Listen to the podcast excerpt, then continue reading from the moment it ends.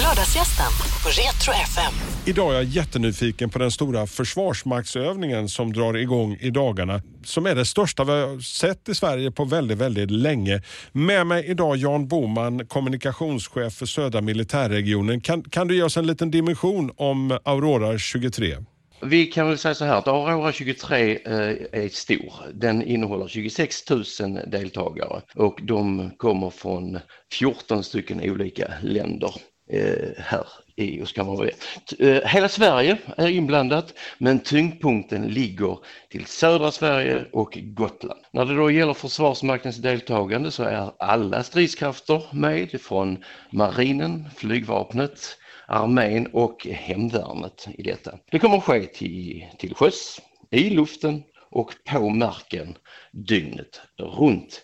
Med start, som du säger, i kommande vecka och fram till den 11 maj. Traditionellt eller de senaste åren när det varit stora försvarsmaktsövningar har det känts som att det varit inriktat på internationella insatser men eh, är det helt korrekt att det är så mer fokus på försvar av Sverige i händelse av krig? Så kan man väl säga. Eh, vi verkar ju i alla spektra, fred, kris och eh, i väpnat angrepp så det är helt rätt. Och det beror ju naturligtvis på omvärldsläget och den utvecklingen som som eh, nu finns i närområdet. Denna gigantiska jätteapparat som försvarsmaktsövning Aurora 23 är, Jan Boman, hur kommer civilsamhället, hur kommer vi vanliga ute i samhället att påverkas under de här veckorna som övningen pågår?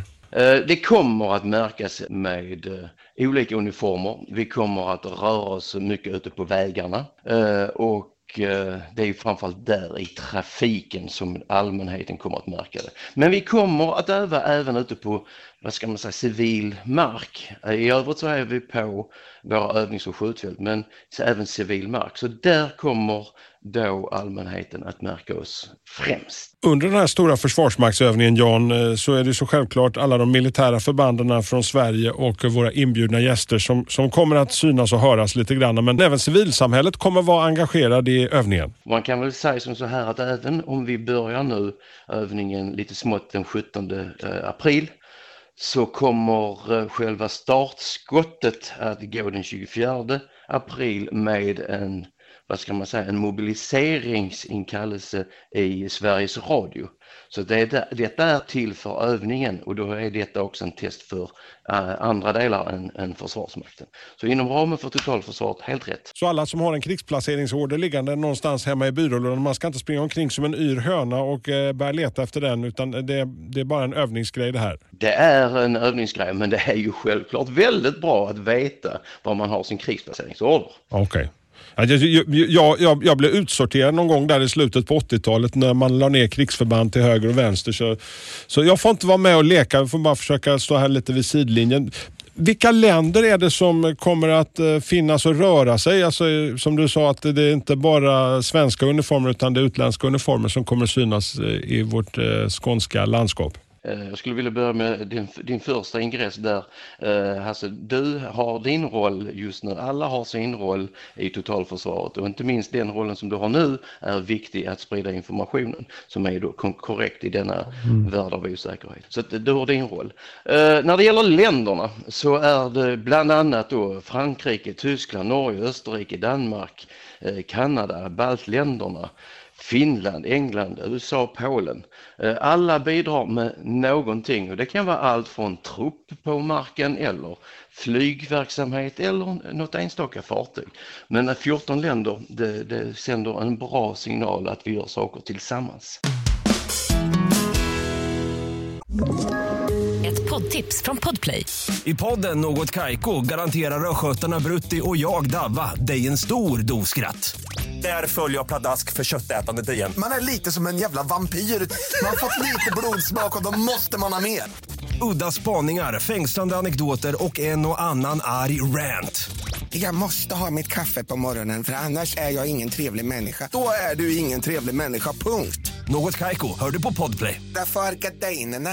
En sån här gigantisk jätteövning som Försvarsmaktsövning Aurora 23 är Jan. Den väcker ju, gissar jag ett visst intresse hos grannarna borta i öster som håller ett vakande öga. Eh, hur möter man, hur är man eh, beredd för att möta det från Försvarsmakten? Eh, Du har helt rätt. Eh, Men vi försvarar Sverige och det gör vi med all önskvärd tydlighet. Och det är väl den signalen som vi skickar nu. Eh, om man ser någonting då som eh, inte stämmer från vardagen så finns det faktiskt en tipslinje som man kan skicka MMS eller sms på. Man kan inte ringa den. MMS, sms, då är det 070-90 32 94 851. Ja, det är många siffror, men de är rätt. Eh, 070-90 32 94 851. Där kan man skicka in ett meddelande så omhändertar vi eh, den informationen. Jag förstår att du inte kan gå in på detaljer men vi har hört det senaste året eh, i och med eh, kriget i Ukraina och NATO-ansökan och allt det här om, om påverkansoperationer och liknande. Har, har Försvarsmakten märkt av det här eh, under senaste året? Utan att gå in på några detaljer så kan vi ju konstatera att vi är alltid intresserade utifrån vissa, vad ska man säga, eh, intressenter. Eh, där- Så vi är intressanta kan man väl säga över tiden. Och eh, den här tipslinjen som jag nämnde precis, den, den fungerar och den fungerar bra för allmänheten är med på noterna och eh, berättar mer än gärna vad de säger. I det här jätteföretaget som Aurora 23 är med 26 000 man ute på våra skånska och svenska vägar under de här veckorna i april, maj månad. Eh, Vad ser du som den största flaskhalsen är för, för hela övningen under den här perioden? Oj, det är naturligtvis ledning, samordning och ledning. Eh, vi ska ta oss från, från eh, eh, Mellansverige ner över olika städer, vägar. Samordning, ledning och sen så kommer det en motståndare som, som inte vill oss väl och då ska vi ta hand om det också. Så där har du komplexiteten. Det är ju inte det lilla logistikföretaget om man säger med 26 000 personer från Försvarsmakten och inbjudna länder som, som ska inkvarteras och ha mat och även om en hel del sover i sina stridsfordon och kanske ute i ett litet tält. Eh, Hur löser man logistiken kring det här Jan? Där är ju en enorm logistikapparat och eh, alla ska äta, alla ska dricka, alla ska sova någon gång och alla behöver drivmedel. Men det är omhändertaget. Jag nämnde ju 26 000 personer. Alla kommer inte att finnas i närheten av Malmö eller Skåne och så vidare utan man är utspridd därför att man har, man har då logistiklinjer som går över tiden också. Och man är, får inte glömma att man är i luften, på marken och till sjöss. Så att eh, eh logistiken är klart betydelsefull. Är det främst de militära övningsfälten, eh, pratar Revinge, Rinkaby och så vidare, som, som kommer att eh, vara plats för det här? Eller kom, kommer, vi, alltså, kommer vi märka av alltså, i, i de skånska städerna till exempel på något vis un, under de här veckorna? Jajamän, det kommer vi att eh, märka av. Det kommer ju att vara synliga ända uppifrån Vänern, Vättern och sen så sakta neråt. Och det är ja, framförallt övnings och skjutfälten som vi är på. Och i det sammanhanget så skulle jag vilja betona att de här är ju då avlysta och i vissa fall skjuter vi skarpt på de här övningsfälten. Det innebär att de är inte öppna för allmänheten att ge sig in och för att titta eller promenera på de här fälten nu under den här övningen. Eh, så att det vill jag betona. Eh, och det kommer den 8 maj att vara eh, förhöjd buller från Ravlundaområdet, förhöjt buller, där man kommer att gruppera på civilmark och sen så då skjuta in mot Ravlunda fältet där. Så det är höga ljudvolymer. JAS, plan i luften kommer också ha hög volym eh, i detta framförallt. Sen kommer vi också att finnas i samhälle. Det kan märkas i på sådana ställen som eh, Ystad och runt skjutfälten naturligtvis, Sturup med flera eh, ställen här i Skåne. Även i nord, ja, både i nordöstra och nordvästra Skåne. Så vi kommer att märkas och synas där också. Denna jättekoloss som Försvarsmaktsövning Aurora 23 är, hur lång tid tar det att förbereda en sån här? Det tar ett antal år. Eh, Den ska ju dessutom budgeteras, eh, sen ska den börja planeras och sen så får man titta på hur ser omvärldsläget ut, eh, vilka kan vara med, så att vi pratar om ett antal år i planering i detta.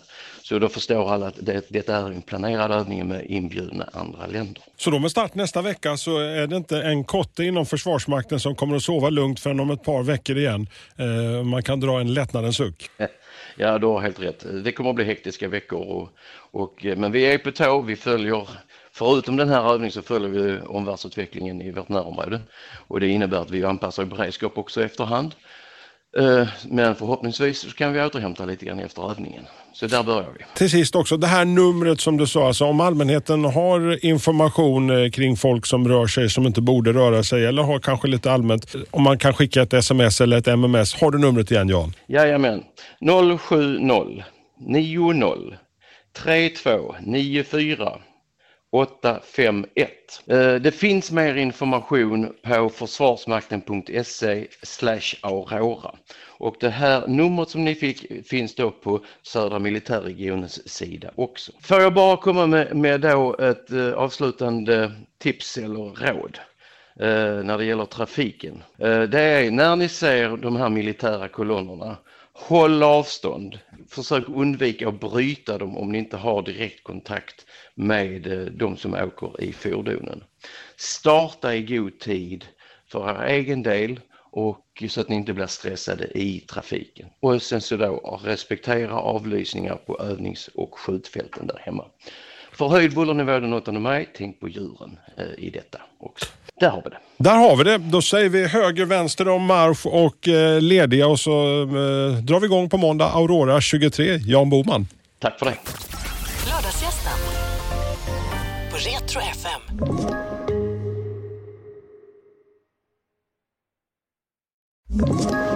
Ett poddtips från Podplay. I podden Något Kaiko garanterar östgötarna Brutti och jag, Davva, dig en stor dos skratt. Där följer jag pladask för köttätandet igen. Man är lite som en jävla vampyr. Man har fått lite blodsmak och då måste man ha mer. Udda spaningar, fängslande anekdoter och en och annan arg rant. Jag måste ha mitt kaffe på morgonen för annars är jag ingen trevlig människa. Då är du ingen trevlig människa, punkt. Något Kaiko, hör du på Podplay. Därför arkadeinerna.